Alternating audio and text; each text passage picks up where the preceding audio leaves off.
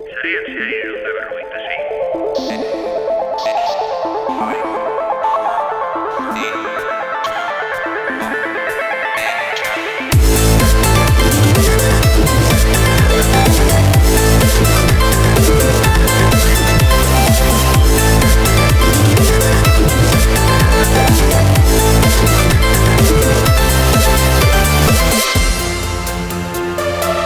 Saio hau emisioan egoten eh, denerako bi ekitaldi bi egun, bueno, bi egun edo aste bi gauza garrantzitu ja e, bukatuta egongo dira, pasata egongo dira, bata izango da Euskaraldia eta bestea e, Euskaralde, Euskararen nazioarteko eguna. E, bietan, e, bueno, e, elburu berdina dago, azkenean Euskara, Euskararen erabilera sustatzea eta, e, bueno, e, Euskaldunok garenok e, gure, gure hizkuntza praktikan jartzea. Mm, egia esan da, Euskaraldian zehar, e, pertsonalki esan, esan behar dizuet, e, ba bueno, e, saiatu naizela eta pasaden programan ikusi zen elkarrizketa horretan e, txapa eramaten eta pizkat e, euskara sustatzen nire, nire alboan, Eta, bueno, kasu batzutan, e, ondo, ondo suertatu da e, kontu, kontu hori. Beste batzutan, ba, bueno, ez, ez hainbeste. Baina azkenean, e, Euskararekin eta hizkuntza guztiekin, e, konturik importanteena da, e, hizkuntza erabiltzea. Ba, batez ere, hizkuntza e, txikiekin. E, bueno, e, euskal e, kultura ere kontsumitzea eta sustatzea eta batez ere e, bakoitza bere arloan eta eraso sentitzen den arloan e, euskaraz e, egitea. Bai lanean, etxean, aizialdian, gu bezala, sarean zehar eskenean aizialdiko proiektua dela, baina e, bueno, bakoitzak ere markatzen duen e, ere muarekin, e, bai belarri prest edo bai hau bizi izatea, importanteena izan da euskara erabiltzea.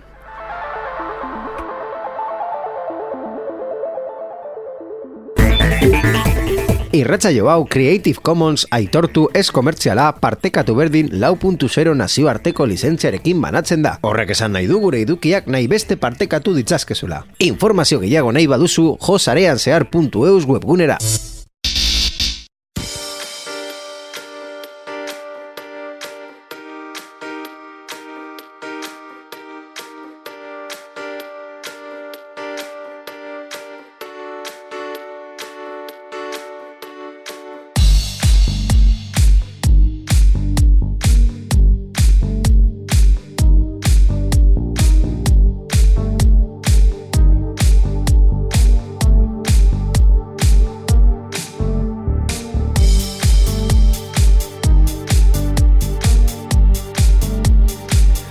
Ba, mikrofono itxian komentatzen ari genuenez, e, kalitatezko sintonia honekin azten dugu zarean zearen berrien atala eta horretarako, ba, beti bezala, eske, ja, bideoan egiten dugunez ez, da, ez dago spoilerrik, osea, bapatean beste pertsona badogo zure ekuan borjaian abaritzen da.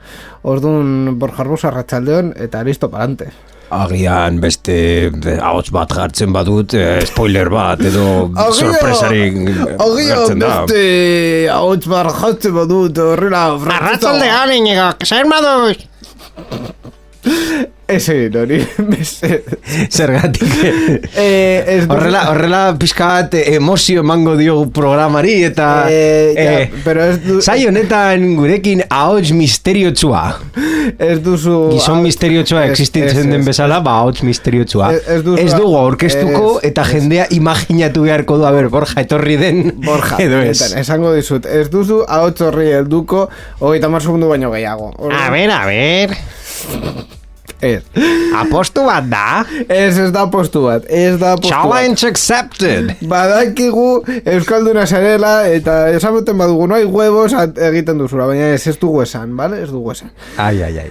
En fin, ba, bueno, eh, berrien atala esan bezera eh, así dugu... Mm, Ez, ez, no, nondik borja, oza, ez da zuzuk, ezkenean, ni ja ez dakidalako seri buruz e, itxegin, ez badugu elon buruz itxegiten, orduan. Bueno. E, lehenengo aukera, eloneko sintonia eta bere txorradak, edo bestela e, gure superheroia Zertarako etorriko da beraz, beraz gure superoia Salbatzeko programa hau Bai, egia esan da, a ber, gero, gero elon buruz itengo dugu pizkatxo bat, pizkatxo bat. E, ez berak e, nahiko zuen hainbeste, baino, e, bai, e, momentuz, e, superheroia deituko dugu. E, e, astea salbatzeko, bueno, ez da, ikusko. Berriro egin, bie- egin behar dut oiuka Superheroia!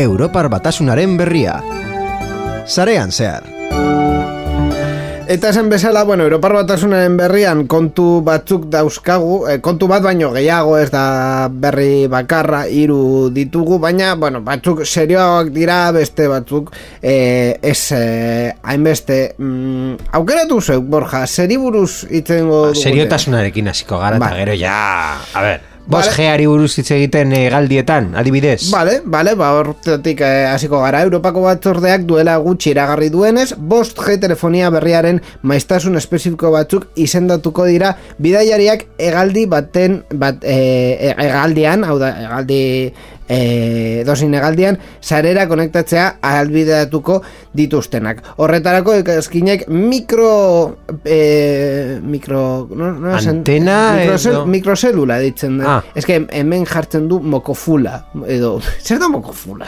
Eh, ba, mota, hor, mota jarri behar den antena, ez? Bueno, eh, an, Aparatua- antena txikitxo bat eta mm, eh, pikozelula ditzen den eh, aparatoa jarriko dute 5G estaldura hori, hori eh, emateko. 5G sare hori egazkinetan egongo da laster eta ez du arazorik sortuko pilotuekin eta kontrol dorreekin komunikatzeko sistemarentzat banda erabat ezberdinak eh, jartuten baitute. Gaztelera esaten da pikozelula. Pikozelula. Hor- horrek, Eta hori eh, euskeraz mokof, mok, mo, es que ez Mokofula. nola, nola, no jarre asentua. Ez, n- n- Tildea. eh, No dakit. izentzun duzu mm, pikozelula euskaraz. Ba, ez dakizu zein den... Zelula, zelula bai, zelula, bai. ze- Zelula, zelula.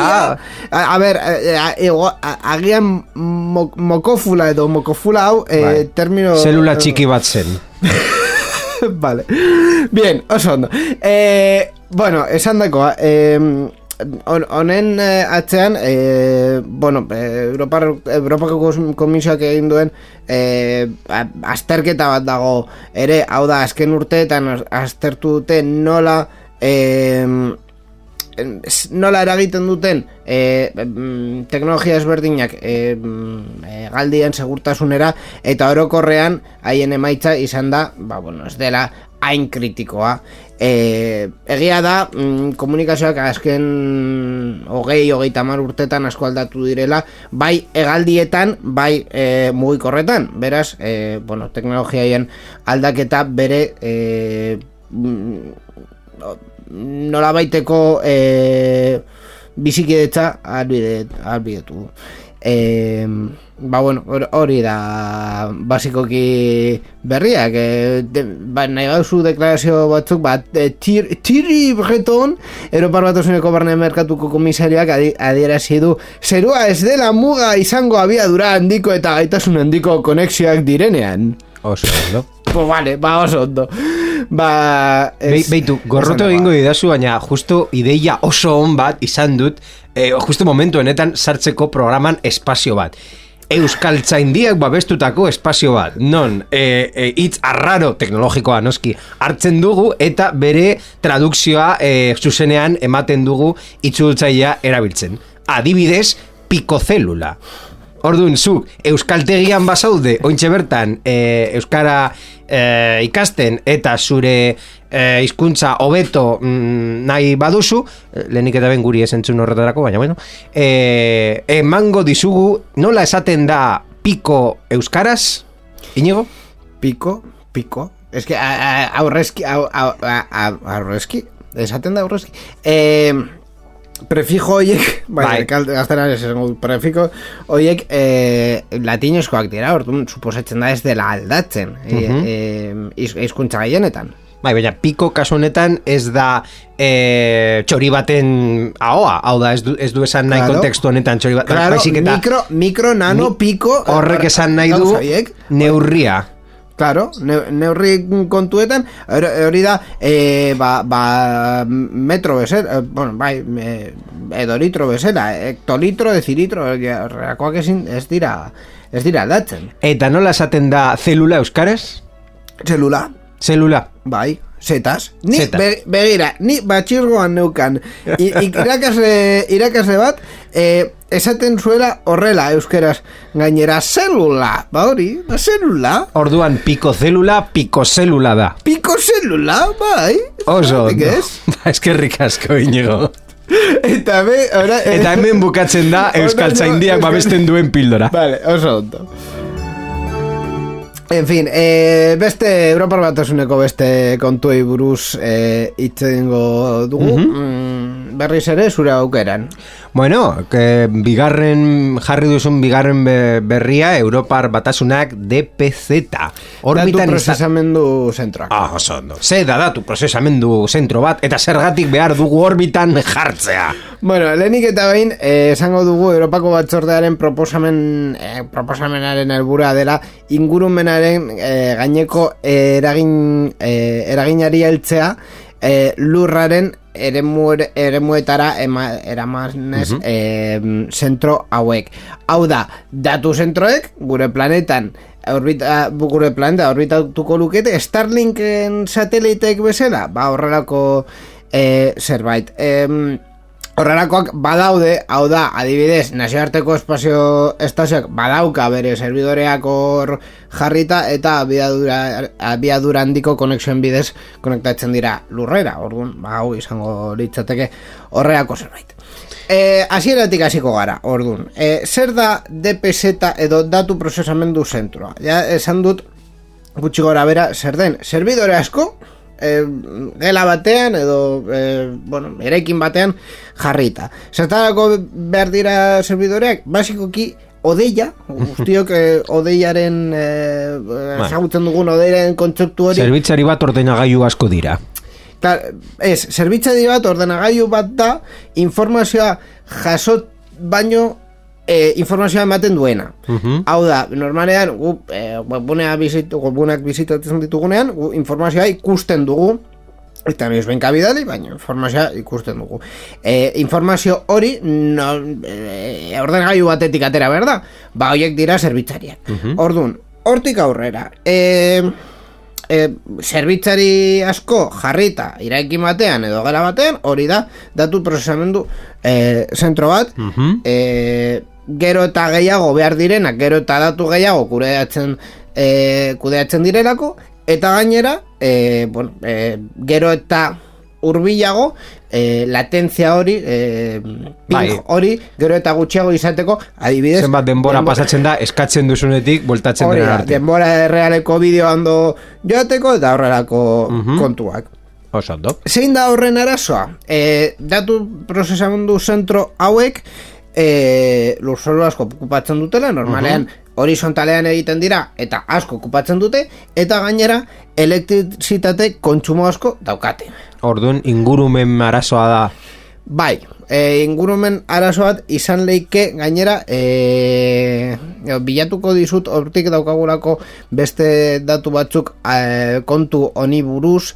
E, mm, bueno, estudio estu, uste dut, e, bai, aste honetan estudio bat e, mm, bai, hori da, estudio bat eh, argitaratu argitaratu da. Mar, martxoan eginda egia da baina eh, adibidez eh, estudio honek eh, ez dakit nork egin duen. Bueno bai hemen jartzen du Nutanix ideiarik ez. Ba hauek estudio bat egin dute eta eh, haien eh, haiek hartu dituzten datuen artean esaten dute mm, datu prozesamendu zentro normal bat hogeita zazpi milioi tona CO2 botatzen dituela. Bueno botatzen dituela eh, Neurtzen dela, urtero. bai. Orduan, nondik ateratzen da eh, datu hori, ba, eh, jakine zenbat elektrizitate kontsumitzen duten, eta nola sortu den elektrizitate Hori, orduan, e, ba bai, e, servidore guzti horiek mantentzea, asko konsumitzen du, eta kasu batzutan, e, ba, saiatzen da, e, eguzki plakekin edo horrelako zerbait, pizka konpensatzea, baina oso... Zenbat potentzia lortu dezake eguzki plaka bat espazioan? Hori, hori izango litzateke beste. Eguzkitik al- zaude. Alde, alde batetik, eh, arazoa botatzen duzu espaziora, orduan, eh, okupatzen duten espazio hori, Bai. leku hori, eh, ez da lurrean baizik eta orgoian, Bai. beste alde batetik, mm, zein izango da horren argindarra, ba, argia, eh, hau da, eh, bai, guzkiaren argia, baina nahiko izango da... Gainera, egun osoan. Hori egia da. Baina, klaro, nahiko izango da hori e, funtzionamenduan e, jarraitzeko. Ez nagoin ziur. E, horregatik esaten dizuet e, hau pizkat marziana bat dela. bueno, oindik ez. ez, oraindik ez, baina ez, ez da... ez, ez da ainurrun. Eh, Ez que ez da eh, ikus, Osa, proposamen interesgarri bat da Baina ez dut uste eh, Etorkizun handirik Ikerketak egin behar dira, ez da? Claro, a ver ikerketa prozesu bat hasi dira, ikusteko ze viable den hau Claro, egitea. Ikerketak egitea eta esperimentuak egitea Ondo, ok, ados, a favor Europako dirua hor jarri behar da Ikerketan dirua jertzea beti positioa dela Ah, em- hemen kontatzen dute hainbat enpresei e, Thales, Alenia Space, Carbon Lau, Orange, Hewlett Packard eta Airbus, adibidez, Bai. sartuko dira hor e, estudio ikerketa honetan. Ba bueno, eh, mm, frogak egitea positiboa da, baina bueno, eh, ikusi behar dugu ere zein izango den eh, honen emaitza. Honekin linkatuta gainera, eh, Europar Batasunak urratz garrantzitua eman eh, du bere Starlink propioa eraikitzeko deitu diote Iris B eta eh, konkretuki eh, sartu dute konektagarritasun seguru programa batean sektore publikoaren eta pribatuaren sinergia bariatuko duena. Ai, sekturiko, Ah, sektore, se, ba, esango du, sektore publiko eta pribatuaren sinergia, ze ondo. Bueno, eta hori ez dakigu zenbat eta- entzun duen, baina e, Starlink buruz inoiz entzunez duen pertsona bati kontatuko diogu, ze kontxo da, Interneta satelite, satelite bidez. Eta zergatik deitzen da Starlink. A ber, eh, teknikoki ez da deitzen Starlink. Hau da, deitu diogu Starlink. Starlink deitzen da Elon Muskek eta bere enpresak egin duen e, sistema eh, haiek konkretuki erabiltzen dutena. Orokorrean hau deitzen da satelite bidezko interneta eta konkretuki e, Starlinkek erabiltzen duen sistema hiru mm, e, bueno, hiru satelite orbita erabiltzen e, dute. Ordun goiko sateliteak erdiko satelitei ematen diote konektibitatea eta erdikoak bekoei. Eta aldi berean e, lurrean dauden antena batzuk goikoei, vale? Horreako Gauza da, azkenean zure etxean estaldura ona ez badaukazu internetera konektatzeko, mm, sistema hau aukera ona izan daitekela mm, horrelako estaldura desente bat lortzeko. Aukera ona, baino garestia. Bueno, bai, Oso aukera garestia ona gainera. garestiak dira. Esan behar da, hau da, hemen ez daude aukera merkeak. A ber, e, e, ba, gainera ona ona esatea egia da nahiko ondo e, bueno, e, nahiko ondo funtzionatzen duela e, Starlink eta abiadura desente daukala baina e, laureun euro jarri behar dira e, azteko eta hilero e, irurogeita mar euro dira. Bueno. Orduan, e, egin e, aurre kontua e, gutxi gora bera euntamar mega jaitziera eta eta igoera ere. Bueno, e, claro ez badaukazu beste aukerarik ba, baina- baina egia da Espainian konkretuki e, diru publikoarekin eta konkretuki Europako diruarekin zuntza jartzen ari dela ia leku guztietan Esan dezakegu orduan e, e, e, Europar batasuna bihurtu dela Elon Musken e, aurkari en, bat, lehenengo aurkaria bat. Zeren Eh, eta lehenik eta behin jarri dute estaldura oso ona Starlink ez kontratatzeko eta gero ja oindik eta Starlink kontratatzeko na, e, aukera izango dutenentzat jarriko du Starlink publiko bat. Hombre, eh, egia da, eta gainera e, Twitterrekin argi ikusten ari da, horrelako e, azpigitura e, tipo oso flipatu bati usten badiozu eskuetan bera nahi duena egiteko e, sistemaren etorkizuna e, bueno, e, kasu batzuetan zalantzan jarri daitekela e, basikoki elon egiten ari du nahi duen Twitterrekin, baina eh, azken asteetan ere eh, atera dira eh, Starlinkeko ingeniariak esanez, haiek ez dutela eraso, haiek ikasi dutelako nola ez egin kasu tipo ni.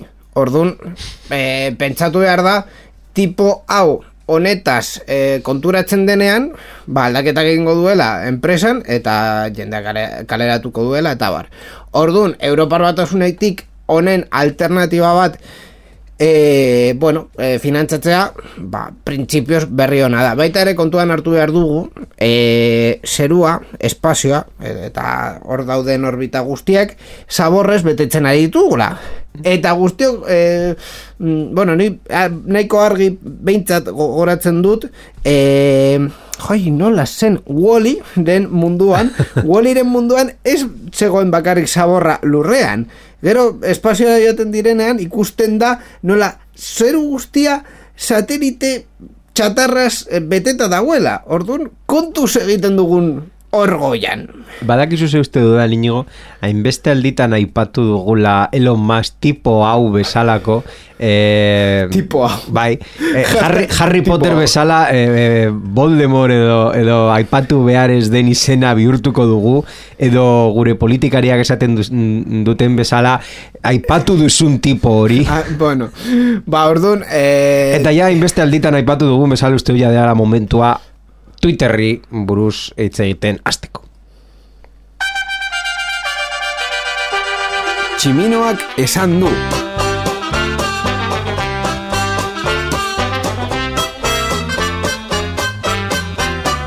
Uste dut, eh, eh, atal honen izenburuaren eh, eh, ideia edo aldatuko diogula, lehenengo momentuan zen salerosketei buruz eh, hitz egiten genuelako eta konkretuki honen salerosketei buruz, baina kasu honetan, eh, bueno, hemendik aurrera uste dut tximinoa ez dela izango tximino metaforiko bat, baizik eta elon izako dela, zuzenean, osea, tximinoak esan du elon, El- ya está. Bai, babestutako, Osea, elon, elon babestutako espazioa, etorri da eta erosi du. Bai. En fin, ez, ez, zoritxarrez Erosi du tximinoa eta eta los Simpson eta... Zoritxarrez guretzat ez du zarean zehar erosi. Bueno, ez da- Pues a ver, chico, sana Hor da, zu, zu soldata baten eh, bidez ja eloneri esango zenioke guztiei baietz. Ni, eh, ni gauza bat esango. Elon etorri eta jarri soldata bat. Gaur egun jasotzen ari dudan soldataren truke e, Euskal Digital eta sarean zearen nire egun guztia botako nuke, bai. Ez dut gehiago eskatzen. Baina Elon aguantatu. Bueno, Elon aguantatu daiteke A- a- a- bideodelaren Agian etortzen da saioa aldatzera, eta bitu nola zara zu saioa aldatzeko ni saiatu naizen bueno, bueno, bakoitzean. Bueno, bueno, bueno. A ber, Barkatu, hemen aldaket... Es, sintonia hauek eta gauza guzti hauek ez dira nire kontu izan. Bueno, Europar batasunaren berriaren bai, bai. baina beste Eta guztiak. Alejandro, eta... Bueno, Nor, nor, nor. Ez, ez, ez, ez. en fin, eh, bueno, eh, eh, Elon Musken eh, polem, eh, sortu dituen polemikaren eh, artean, ba, bueno, eh, egonda adibidez amnistia orokor hori eh, akontua bertan bera utzitako eh, pertsonei baita... Donald Trump. eh, adibidez, baita e, Teslaren mugikorra sortzeko mehatxua egin du bat, e, badirudi Google eta Appleekin gatazkak izaten ari dituela azkenean, ba, bueno, Bai. ez, ez naiz oso ondo enteratu zergatik, baina, bueno, horretan e, Ah, bere momentuan Epic Games zuen bezala, Fortnite eta hori guztia. Eh, Eh, el, bai, basikoki, be, gaur bertan e, irakurri dut tweet bat, non Elon Musk esaten zuen e, Apple kobratzen zuela e, eskututako euneko geitamarreko zerga bat. Oh, Eta guztiok pentsatzen, nondik, noiz, nola, zer, resulta que, resulta que... aquí se juega. Claro, bere momentuan e, e, eta gainera e, App Storean sartzen basara e, garatzailea izateko argi jartzen dizgute. Begira, e, zure diruaren e, zure diruzarreren kontua horrela banatuko da euneko irurogeita marra guret, e, zuretzat eta euneko geita marra niretzat vale? Ba, badakizu zer gertatzen den. Elon Musk ez dagoela ohituta baldintza orokorrak onartzea. Baizik eta jartzera. Hori egia, besteak baldintza orokorra jartzen diotenean esaten du, eh, baina hau ez da negoziatzen edo no, Claro. nola funtzionatzen du. Claro, orduan, e, berak esaten du, hau, ba hori, zerga eskutu bat dela, baina guztiok bagenekien, eta esan duzuna, Epic, eh, Epic eh, Games ere, Zenbat denbora darama. horretan, e, bueno, pues gatazka izan ditu, hori euneko amabostera e, gutxitzeko. Dena den, ba bueno, e, pff, en fin, bera ez badu nahi, e, Twitter egotea Apple eta Android plataformetan, baina lekua utxik er, e, usten dio Mastodon, Hive eta horrelako e, plataformei haiek merkatua Zer, izateko. zer moduz doa mastodonekoa kontua?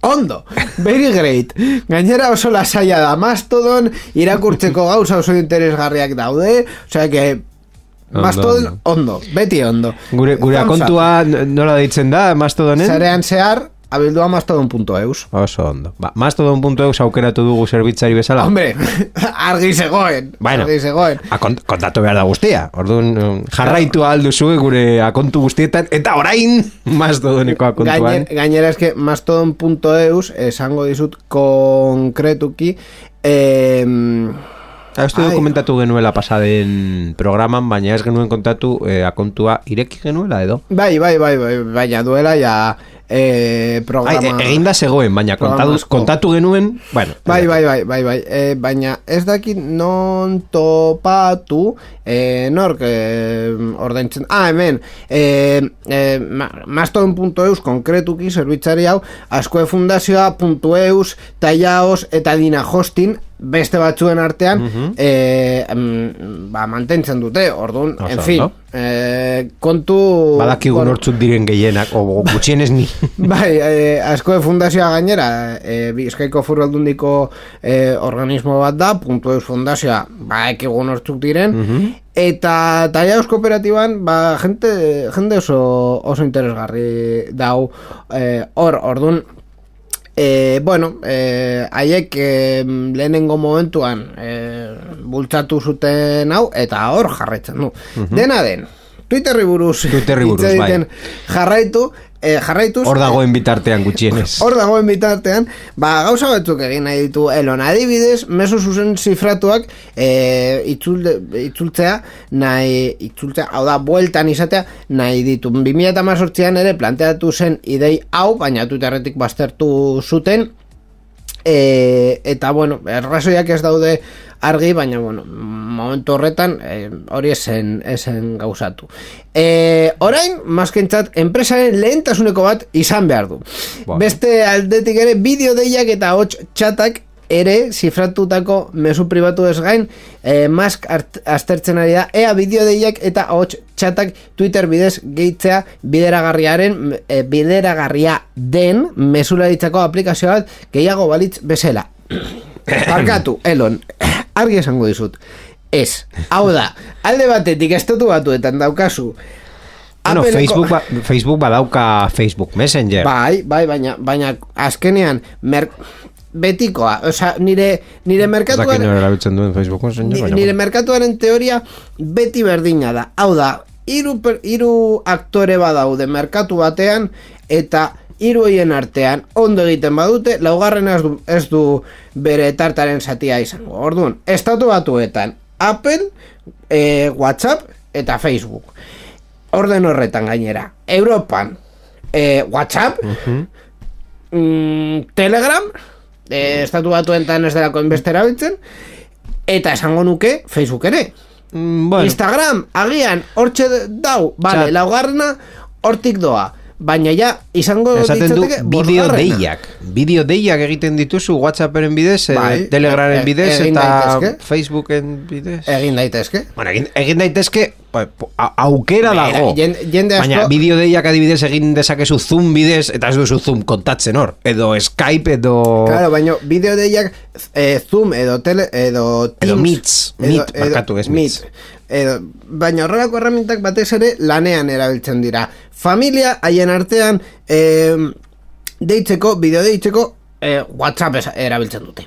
Erabiltzen duena. Claro, erabiltzen eh, duten. ez du jende asko erabiltzen, baina ikusi dudan jendea bideo deiak egiten, WhatsApp erabiltzen dute, batez ere. Orduan, e, merkatu honetan, hiru lau gutxi gora bera daudenak, e, bosgarren bat sartu nahi baduzu, Ja. ez da ideia ona. Ez da ideia ona. Zenbat aldiz egiten du hori Google. Claro, eh, Hortan Google- sartu eta... Google e, bere duo edo hangouts edo ez dakit zerekin behin eta berri saiatzen ari da horretan sartzen eta ez dute merkaturik lortu, E- orduan. e- eta beitu, kuriositate bezala, Facebook orain dela urte batzuk saiatu zen portal sistema bat ateratzen bideo deiak egiteko, hau da Bai. hardware bat ateratzen espezifiko saltzeko, jendearen artean bideo deiak egiteko eta e, aste honetan edo pasaren astean e, argitaratu dute bertan bera utziko dutela proiektu hori. Eta zentratuko direla metaversoan. bueno, Oculus, Oculusen, Ai. Oculusen. Hardware bezala. Ai, ama. Hardware Ai, bezala. ama. Hau da, Ai, ama. ez, ez, ez dutela gehiago produzituko baizik eta Oculus eh, sektorean eh, zentratuko dute produkzioa, hardware produkzioa. e, buruko mina eman dit azken, iruzkinari. Eta baita ere, e, elonen idei zoratuen artean, ere esaten du, be, txio luzearen eh, limite hori ez daukala zentzurik, eta be- betik aurrera, ba, bueno, nahi duzuna, idatziko duzuna, ez dakigu noiz, baina nahi duzuna, idatziko... Bai, ez, da, ez da esan do microblogging, izango da macroblogging edo blogging. blogging, blogging, blogging, hau da, eh, blogging partekatua, baina blogging izango da, horretarako, ba, txiko, sin más. Eh, aldaketa hauek onuragarriak os- izango dira, ba, ez dakit, ni Twitterren egin dudan azken gauza, izan zen duela ja hilabete bat, eh, akontu bat salatu, oso fascista izaten ari zelako, oi. e, mm, Twitterren erantzuna izan da bai, ikusi dugu tipo hau oso, oso fascista izaten ari dena e, bere akontua blokeatu dugu. Akontura sartu a, akontu aktiboa jarraitzen du Vale, ok, ok, Justu heldu zen amnistia, bueno, Ok, ez da. blokeatu dizugu, eta ordu bat geroago, amnistia etorri da, eh! En fin.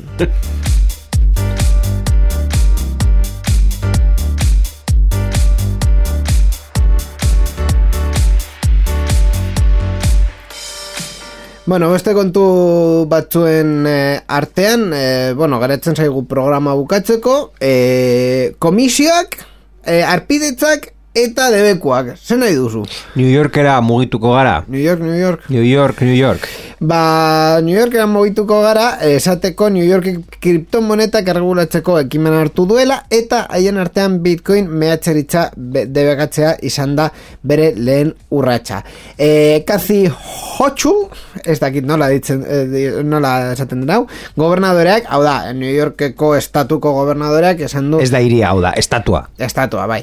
E, Bitcoin mehatzeritzaren debekua, e, bueno, onartu du, baimen gehiago, e, baimen gehiago zemateko, basikoki, estatu batuetan estilo horretako lehen legedia da, eta zuzenean e, gogoratzen du txinak bere momentuan mehatzaritza debekatzeko hartutako erabaki, erabakia. E, mm, ze, ze, zein da honen koska edo zergatik egin alduten hau konkretuki e, e, New Yorkeko estatuan mm, Bitcoin e, sortzeko e, bueno, edozein kripto txampona sortzeko eta e, eta aldatzeko e, ba, beste banku bat bezalako lizentzia bat e, eskatu behar duzu. Orduan horretarako e, estatura joan behar zara, esan begira ni hemen kripto txamponak aldatu eta sortu nahi ditut eta basikoki e, New Yorkeko estatuak esango dizu ez ez salvo, salvo e, energia berriztagarria erabiltzen baduzu. Hau da, zure kriptotxamponak sortzeko granja horretan e, eguzki plaka jarri badituzu, agian, agian. Baina ez daude oso, oso konforme ez da. E, claro, mm, erantzuna izan da kasu honetan merkataritza ganbera e, digitalaren partez, ohar batean azaldu duten ez erabaki horrek aurrekari aur, arriskutsua esarriko du. Energia nork erabil dezaken edo ez erabakitzeko. Eh, azkenean mm, eh, aktivitate ekonomiko hori ezin duzulako egin elektrizitate barik eta ez dizute elektrizitatea erabiltzeko baimena emango eh, bitcoin hoiek eh, sortzeko erabiliko eh, badituz Ba, beitu, l- lehenik eta behin, esplikazio oso erraza, bitcoin lortzeko, esan dugun bezala, eh, mehatzaritza egin behar da, nola Bai, egiten kal- duzu, kalkulo- mehatzaritza? Kalkulo matematiko ba- Bai. batzuk egin behar Horrek ordenagailu bat oso potoloa egiten du, eta ordenagailu ho- horrek pilo bat energia surgatzen du. Oso, Bai, oso erraza. horrela. Eh, ez da oso desberdina eta horrela esaten du merkataritza ganbera digitalak eh, zentru eh, datuak kudeatzen dituzten zentroak alderatuta hau Claro. da eh, eur, a, oiek Europar batasunak espaziora bidali nahi dituztenak Bai. orduan eh, beraiek esaten dute zergatik batzuk bai Eta besteak ez, hau da, Amazon Web Services montatzen badu eh, kilopostio ordenagailuak hor, bai, eh, New Yorkeko estatuaren edozein puntuan, eta horrek energia pilo bat kontsumitzen dute, baina ez diozu mm, baimena eskatu behar, edo Claro. ez diozu debekatzen naiz eta energia pilo bat behar. Eta honekin bai, hor da- hor dago aitzakia, eh, planeta babestuko dugu eta bakarrik utziko dizugu e, mehatzaritza egitea energia mm, berdea erabiltzen baduzu. Pizka bat, e, eh, ez, ez, ez da oso ondo ulertzen baina koherentzia galtzen da, ez? Ja, ja. Ni, ni pertsonalki ulertzen dut honekin ados nagoelako. Ba, Bitcoinen Hau- hau da. kontra joan nahi dira eta ez dakite nola Eske, itzaki, zeitzaki azken, jarri. azkenean e, konkretuki bitcoin hoiek sortzea eta aldatzea esain beste, baina batez ere sortzea e, mm, ekonomia sortzen du kakotx askoren artean, baino ez da ekonomia produktiboa, hau da, ez da e, zerbait e, e, onura fisiko edo edo zerbitzu bat sortzen duen ekonomia, baizik eta e, bueno, e, burtsa bezala, ez? Mhm. E, Baloreak Bai, igo eta gehitzen dira, baina hor ez dago ezer. E, fisiko tangible, Hor- ez da ezer ematen, ez da ezer egiten, ez, oza, baloreak dira, baina Bai. ez, ez dago hori baino gehiago. Orduan, ulertzen dut, edo, sup- edo ulertu nahi dut, e, New Yorkeko estatuak e, apostu egin nahi duela ekonomia produktibo baten alde. Horregatik, e, datu prozesamendu zentro bat montatu nahi baduzu mm, gigapostio horiek kontsumituz, ez dago arazorik hori zerbitzu hauek ematen dituelako zuzenean ba, e, bezeroei mm, webguneak izateko hor edo dena delakoa Be, beraiek eh, Amerikakoak badaukate hitz bat deitzen dela gold digger eta orain dela berreun urte hor eh, urrea eh, lortzen saiatzen diren pertsonentzat. Baita ere imaginatzen dut legedia momentu batean esan zuen oie ja, eh, ja ez dago Hau hainbeste urre baina zure mm, aktivitate modeloa berdina da. Hor pikoa eta bomba jarri urrea atera eta gero saldu diru, diru irabasteko Claro. Orduan, eh, modeloa ez da ez da desberdina. Ba, mm, urrengo gold diggerrak izango dira, baina ez New Yorken.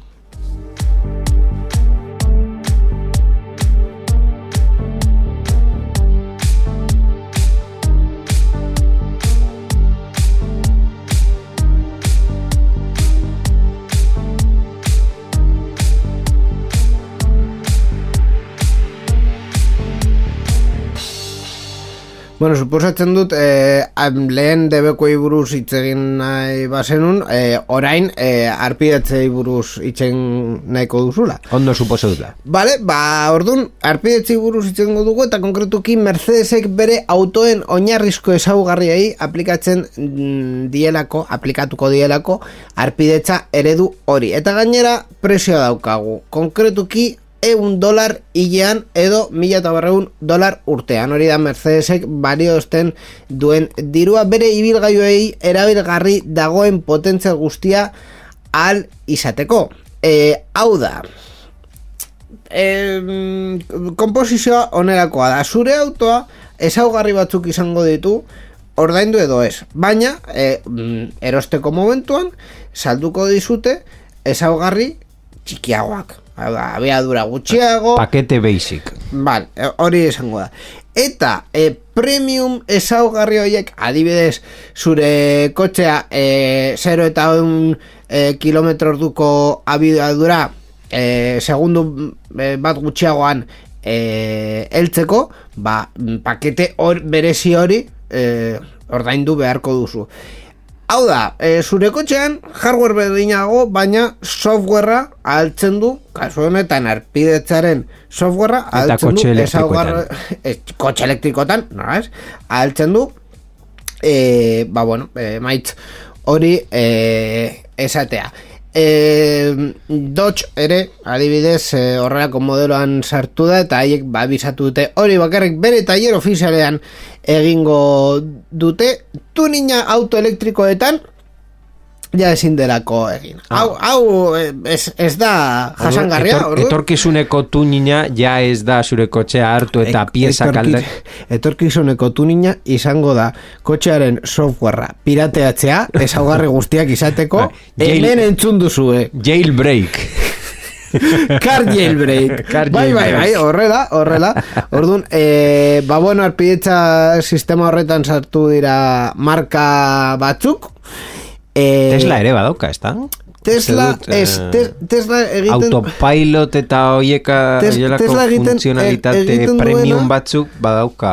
Tes- Tesla egiten duena da hardwarea hor jarri, baina ezaugarriak desblokeatu gehiago ordainduz. Baina, Baina ordainketa bakarra. Ah, ordainketa bakarra. Hau da, zu ber- zure Tesla Model 3 autopilot basikoarekin eta au- autopilot full- Potentea, bai. Ez dakiz zer, nola ditzen Desblokeatu momentu duten. batean eta betirako. Desblokeatu nahi baduzu, eh, mila barreun euro gehiago ordaindu, eta desblokeatuta geratzen da betiko. Suposatzen da betiko. Baina hau ere, etorkizunean alda daiteke. Depende ze ematen dion Elon Muski ere. Software as a service, inigo.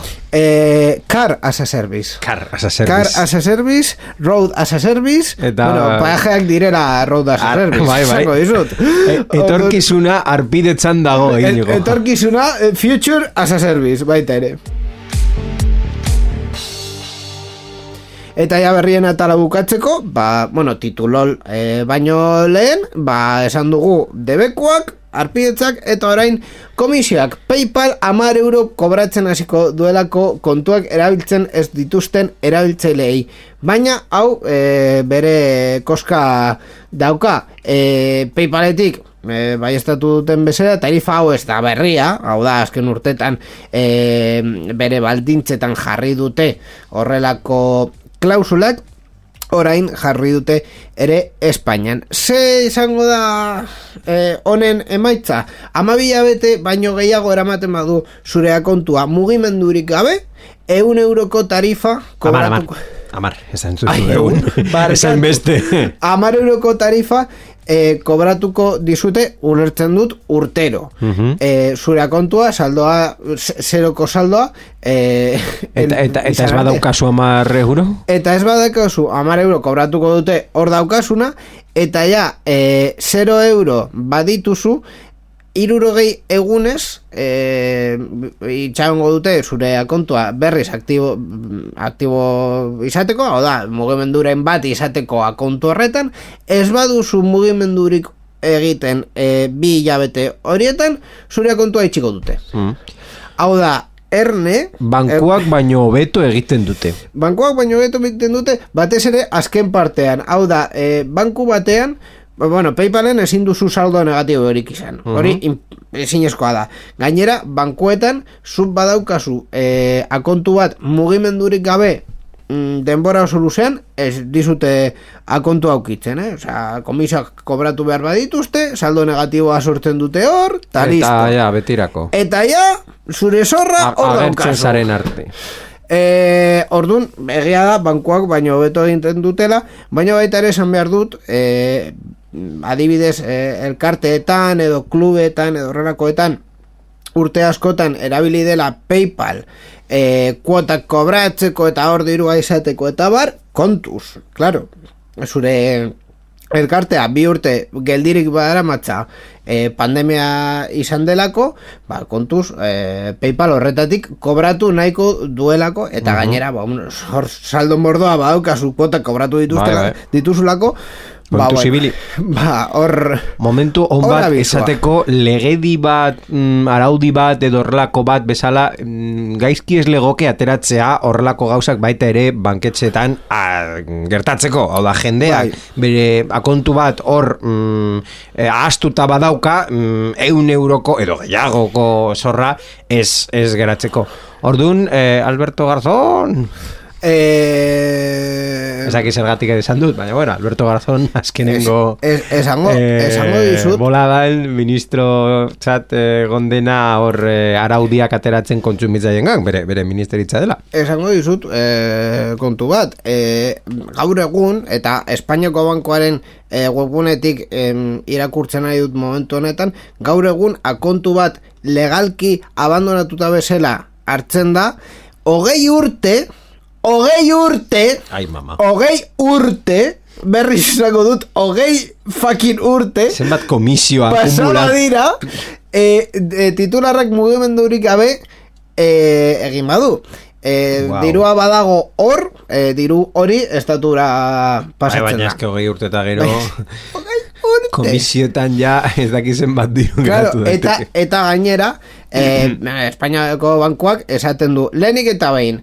e, txertatu hogei urte horietan ez dela mugimendurik egon eta claro, e, honetan nire galdera da e, komisioak kobratzea mugimendu bat da?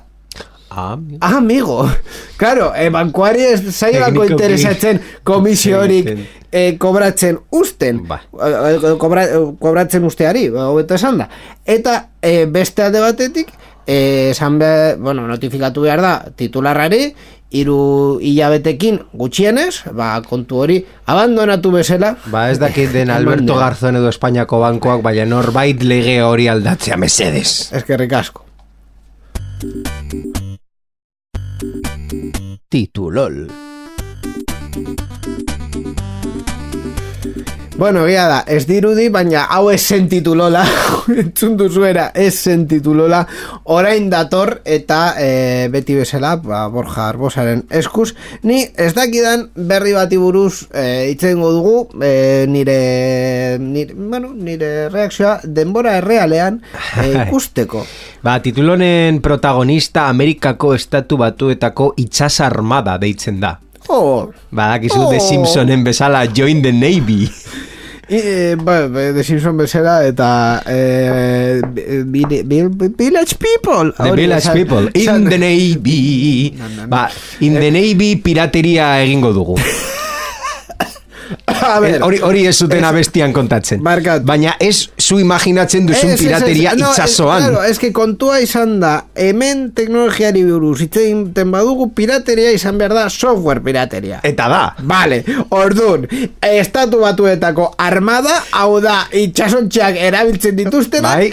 Pirateria egiten du, baina ez itxaso, baizik eta bere programetan. Bai, pirateriagatik erruduntzat jo dute eta software enpresa bati eunda berrogeita malau mila laureun dolar ordaintzeko agindu zioten 2006an orkestutako demanda batengatik. Bit Management Software GmbH enpresa ditzen da salaketa jarri zuen itsasarmadaren aurka adar militarrari egile eskubideak urratzea leporatuz.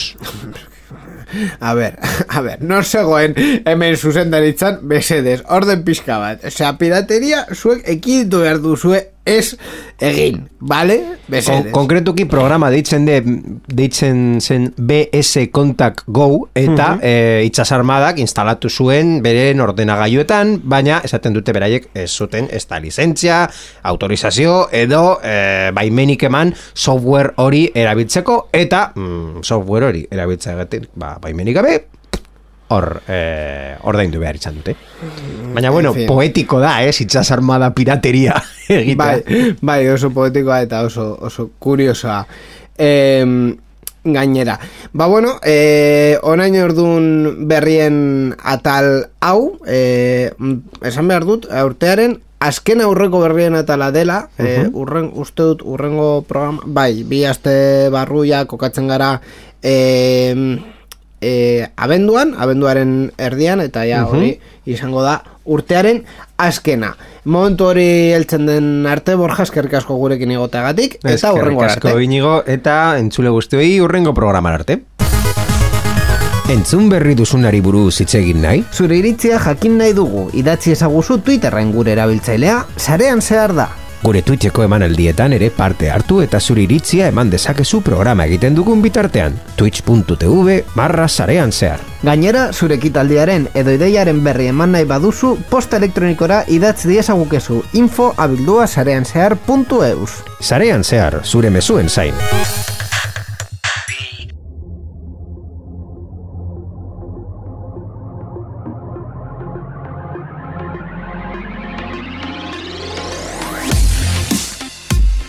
Ba, onain orduan sarean zehar irureun eta berrogeita zei hau e, izan dena, esan bezala, e, ba, eskerrak eman behar dugu Borjas Bosari edukiak ekartzeagatik, baita Mikel Carmonari berrikuspen teknikoan egoteagatik, eta e, beti bezala e, irratian dauden ekoizpen eta teknikari taldeei haien lanagatik e, programa honen emisioa posible egiteagatik. E, hasieran komentatzen nuen bezala, e, ba, bukaerarako Baita ere, e, beste kontu e, gorde dut e, Euskaraldiari buruz eta konkretuki Euskararen erabierari buruz. Ba bueno, hasieran komentatu ez dudana, baina komentatu nahi dut. E, Entzun duzue programa bat non euskaraz egiten dugun, baina e, gainera broma egin dugu horrekin, e, bueno, e, manaiatzen dugu euskara, baina agian esain beste edo ez e, nahiko e, baina ni nahiko deseroso nago horrelako kontuekin. Hau da, e, euskara erabiltzea mm, nahiko da, euskara erabiltzen saiatzea nahiko da, niretzat, guretzat, uste dugu, baietz. Ez dugu, e, euskera batua perfektua egiten, baina saiatzen gara eta e, gure e, interesa eta gure pasioa jartzen diogu euskarazko saio bati. Eta uste dut hori, ba, e, azkenean dela gu ematen dugun e, baliora, balioa e, euskara e, eta euskara euskal kulturaren txat.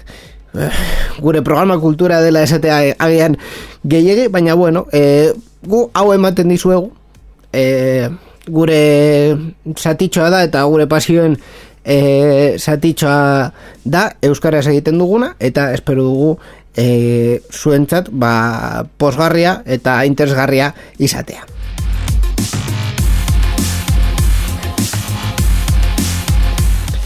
E, bukatu baino lehen ere komentatu behar dut. E, urrengo astean ja programa hau entzuten duzunerako ja izango da e, aste honetan. E, abenduaren zazpitik amaikara ospatzen da durangoko azoka. Nork ez du ezagutzen durangoko azoka eta nork ez du ikusi noiz e, ospatuko den. Baina batez ere gu hemen komentatu nahi, nahi dugu e, kabia espazioa egongo dela hor durangoko azokan eta teknologia eta ar, e, kultura digitalari buruz hitz egingo dela hor e, kabian bideojokoei buruz, euskaraz egiten diren bideojokoi buruz, e, adibidez, euskal e, e, ikusentzunezko edukei buruz ere, baina ez ikusentzunezko handiak horretarako beste espazio bat dago.